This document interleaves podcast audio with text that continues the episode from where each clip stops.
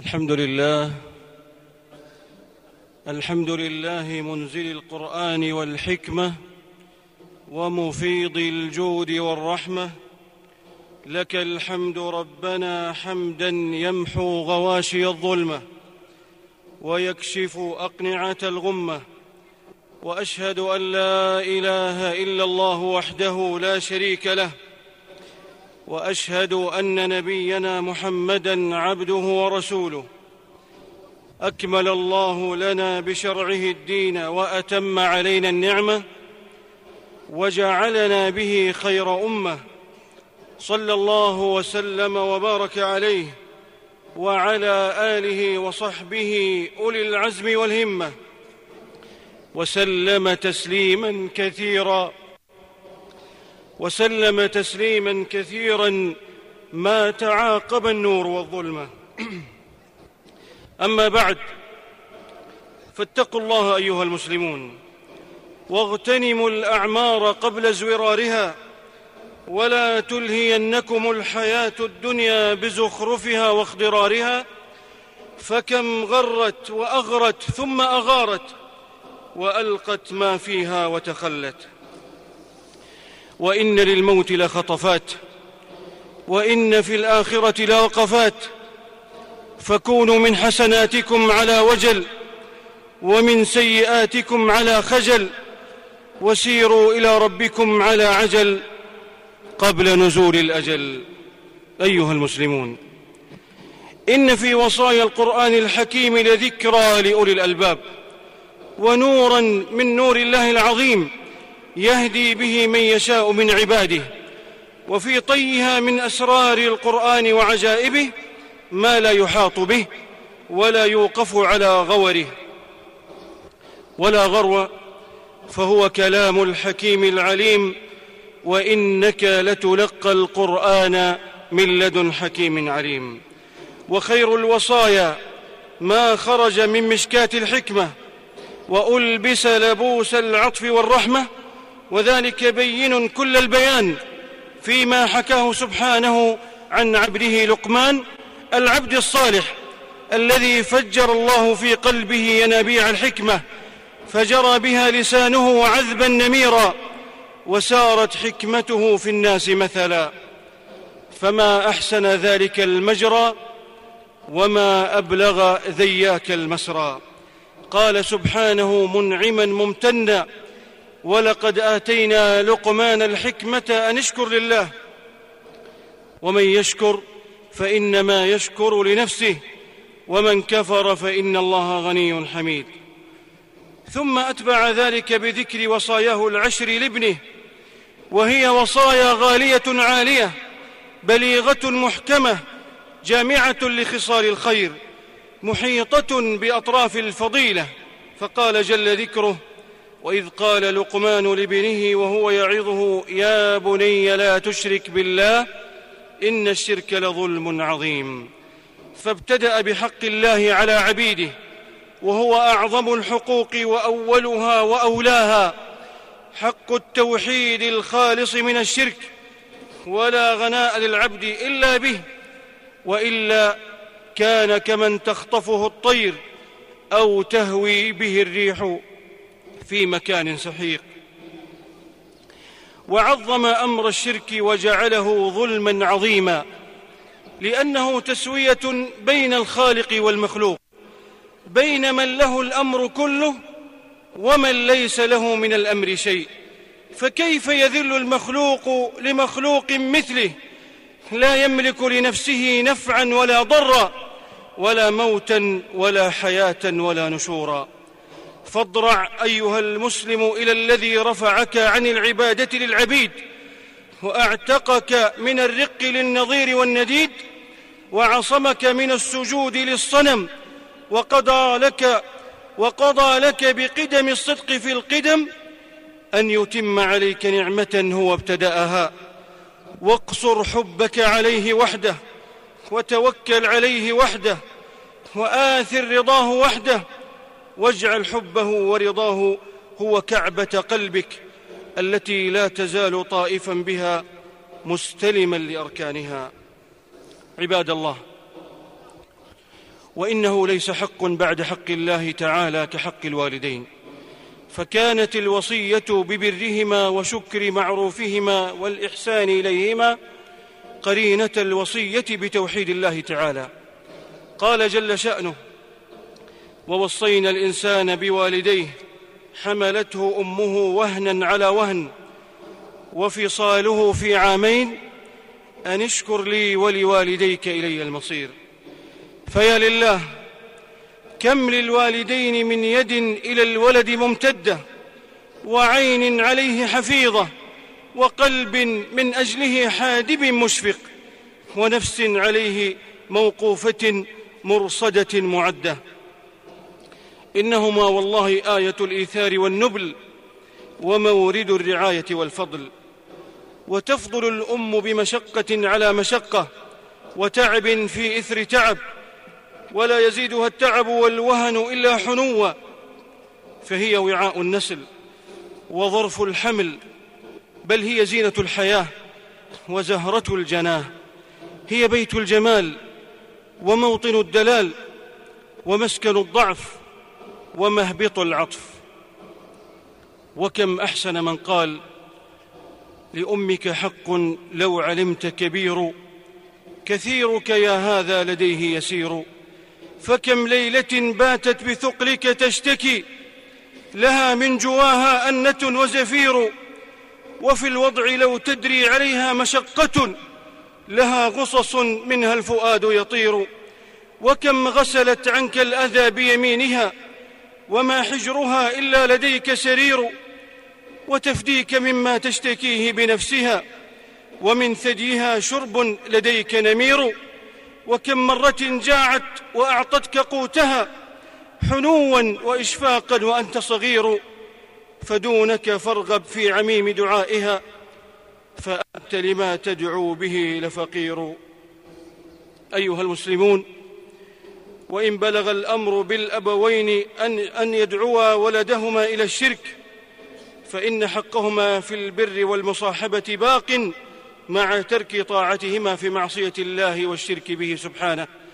وليس وراء هذا التعظيم لحقهما تعظيم وليس بعد هذه الرعاية لشأنهما رعاية.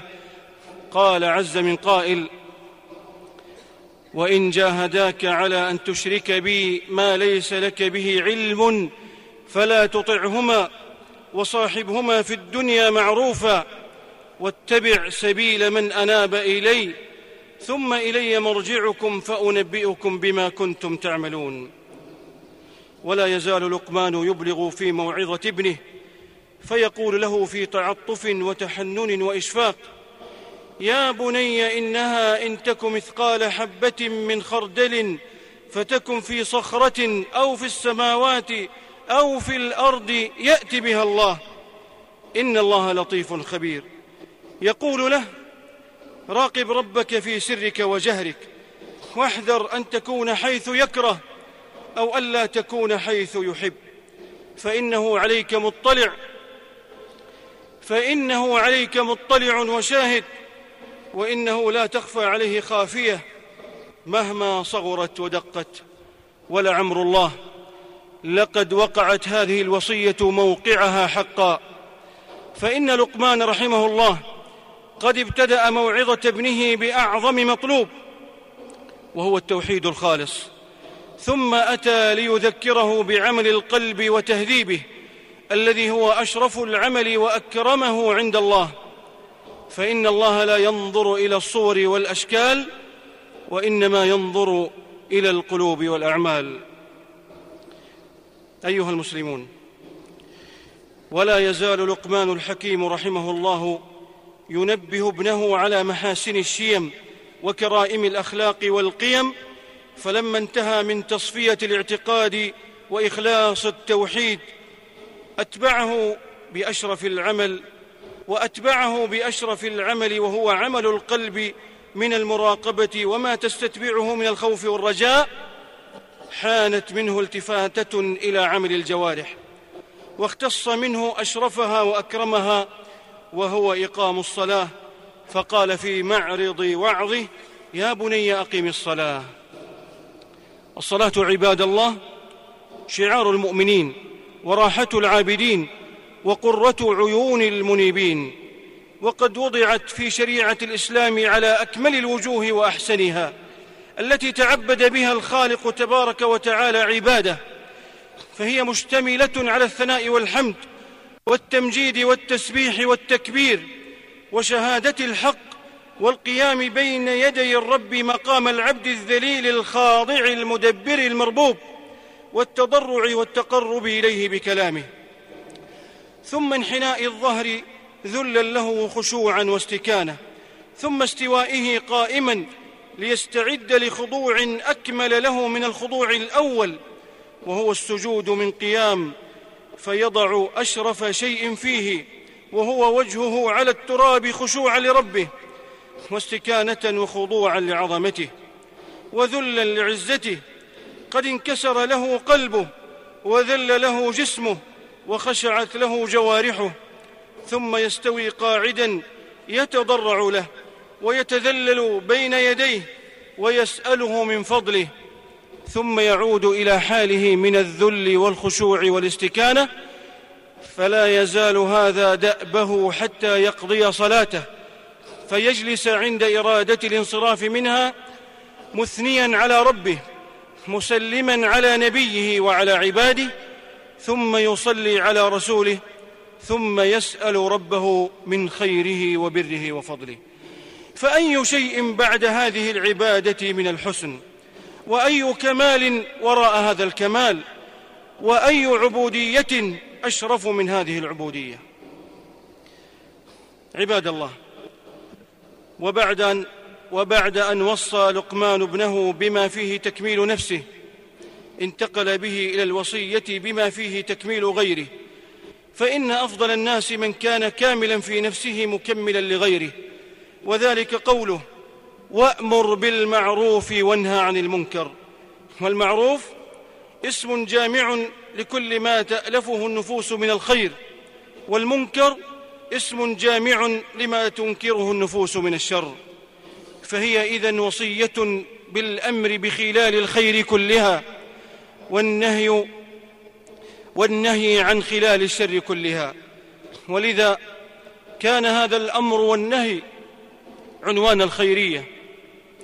وسر التفضيل لهذه الأمة المحمدية في قوله تبارك وتعالى كنتم خير أمة أخرجت للناس تأمرون بالمعروف وتنهون عن المنكر وتؤمنون بالله. ثم أردف ذلك بقوله واصبر على ما أصابك إن ذلك من عزم الأمور وهو إرشاد بليغ إلى لزوم الصبر على كل عامل لله تعالى فإقام الصلاة على وجهها بفروضها وأركانها وركوعها وسجودها وخشوعها يحتاج فيه إلى الصبر والمكابدة والمجاهدة فإنها لكبيرة ثقيلة إلا على الخاشعين والأمر بالمعروف والنهي عن المنكر يحتاج فيه إلى الصبر وتحمل الأذى فليس ثم مكان ها هنا للانتصار للنفس ولا لطلب حظها. نفعني الله وإياكم بما أنزله من البينات والهدى وبارك لنا في سنة خير الورى وأستغفر الله العظيم لي ولكم من كل ذنب فاستغفروه إنه كان غفارا.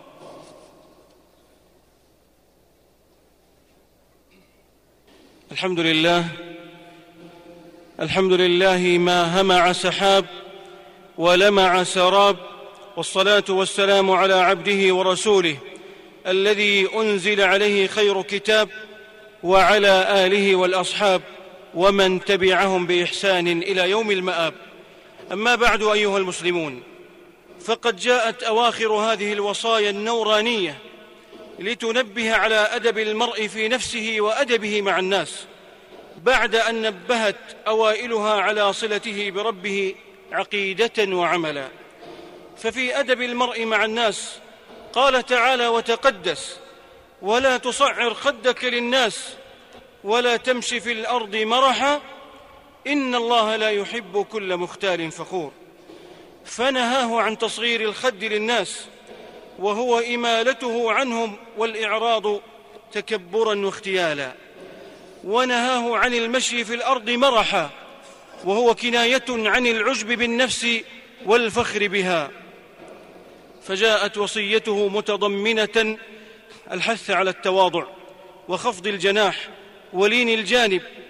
وهذه من أحسن الأخلاق وأقربها إلى نيل محبة الرب تعالى ومحبة خلقه. قال بعض العلماء في شأن بعض المختالين إذا حفظ أحدهم مسألتين وجلس بين يديه طالبان أو نال طرفا من رياسة مشى خيلاء وود لو حك بيافوخه السماء. يمرون بهذه الآية وهم عنها معرضون. وماذا يفيد أن يقرأ القرآن أو يقرأ عليه وقلبه عن تدبره بمراحل. ثم جاءت الوصية بأدب المرء في نفسه بقوله جل ثناؤه واقصد في مشيك واغضض من صوتك إن أنكر الأصوات لصوت الحمير. وهو أدب عال غال وهو أدب عال غال. يربي المرء على خلق كريم أن يقصد في مشيه متوسطا ليس بالبطيء المثبط ولا بالسريع المفرط وهو تنبيه إلى حسن الاعتدال في الأمر كله. وأن يخفض من صوته لأن رفعه من خير حاجة قبيح منكر وكفى به قبحا أن مثل بنهيق الحمير. فدونك أيها الأب الحاني والمربي المشفق دررا من الحكم النورانية والوصايا الذهبية خذها بقوة ولتكن هاديا لك في طريق التهذيب والإصلاح. تبلغ الأمل المنشود وتوفق إلى الفلاح. هذا وإن من خير ما يؤتاه العبد حكمة تبصره بالخير وتقربه منه وتبصره بالشر وتصرفه عنه فيسير في دنياه على بينة وبرهان آمنا من التخبط سالما من العثار متثبتا في شأنه مترويا قبل إقدامه لا يطيش لأدنى وارد ولا يستفزه كل بارق. قال سبحانه يؤتي الحكمة من يشاء ومن يؤت الحكمة فقد أوتي خيرا كثيرا. وما يذكر إلا أولو الألباب. ثم صلوا وسلموا على خيرته من خلقه. المصطفى لوحيه والمنتخب لرسالته. المرفوع ذكره مع ذكره في الأولى والشافع المشفع في الأخرى. كما أمركم ربكم جل وعلا إن الله وملائكته يصلون على النبي. يا أيها الذين آمنوا صلوا عليه وسلموا تسليما. اللهم صل وسلم على عبدك ورسولك محمد وعلى آله وصحبه. وارض اللهم عن خلفائه الأربعة أبي بكر وعمر وعثمان وعلي وعن سائر الآل والأصحاب. وعنا معهم بفضلك ورحمتك يا أرحم الراحمين. اللهم أعز الإسلام والمسلمين. اللهم أعز الإسلام والمسلمين. وأذل الشرك والمشركين ودمر أعداء الدين واجعل هذا البلد آمنا مطمئنا وسائر بلاد المسلمين. اللهم آمنا في أوطاننا ودورنا. اللهم آمنا في أوطاننا ودورنا. وأصلح أئمتنا وولاة أمورنا. وأيد بالحق والتوفيق والتسديد إمامنا وولي أمرنا. اللهم وفقه وولي عهده لما فيه صلاح البلاد والعباد. يا من له الدنيا والآخرة وإليه المعاد. اللهم ما سألناك من خير فأعطنا وما لم نسألك فابتدئنا وما قصرت عنه آمالنا وأعمالنا من خيري الدنيا والآخرة فبلغنا. اللهم إنا نسألك الهدى والتقى والعفاف والغنى. اللهم آت نفوسنا تقواها زكها أنت خير من زكاها أنت وليها ومولاها. اللهم أصلح أحوال المسلمين في كل مكان وردهم إلى دينك وإلى سنة نبيك صلى الله عليه وسلم ردا جميلا. اللهم انصر جنودنا المرابطين على حدود بلادنا. اللهم كن لهم معينا وظهيرا ومؤيدا ونصيرا. يا رب العالمين ربنا آتنا في الدنيا حسنة وفي الآخرة حسنة وقنا عذاب النار. ربنا ظلمنا أنفسنا وإن لم تغفر لنا وترحمنا لنكونن من الخاسرين. اللهم اغفر لنا ولوالدينا ولمن له حق علينا ولمن أوصانا بدعاء الخير. عم الجميع بالرحمة والرضوان وعاملنا وإياهم باللطف والإحسان. واجعل عاقبة أمرنا يا مولانا عندك. العفو والصفح والغفران. والعتق من النيران. سبحان ربك رب العزة عما يصفون وسلام على المرسلين وآخر دعوانا أن الحمد لله رب العالمين.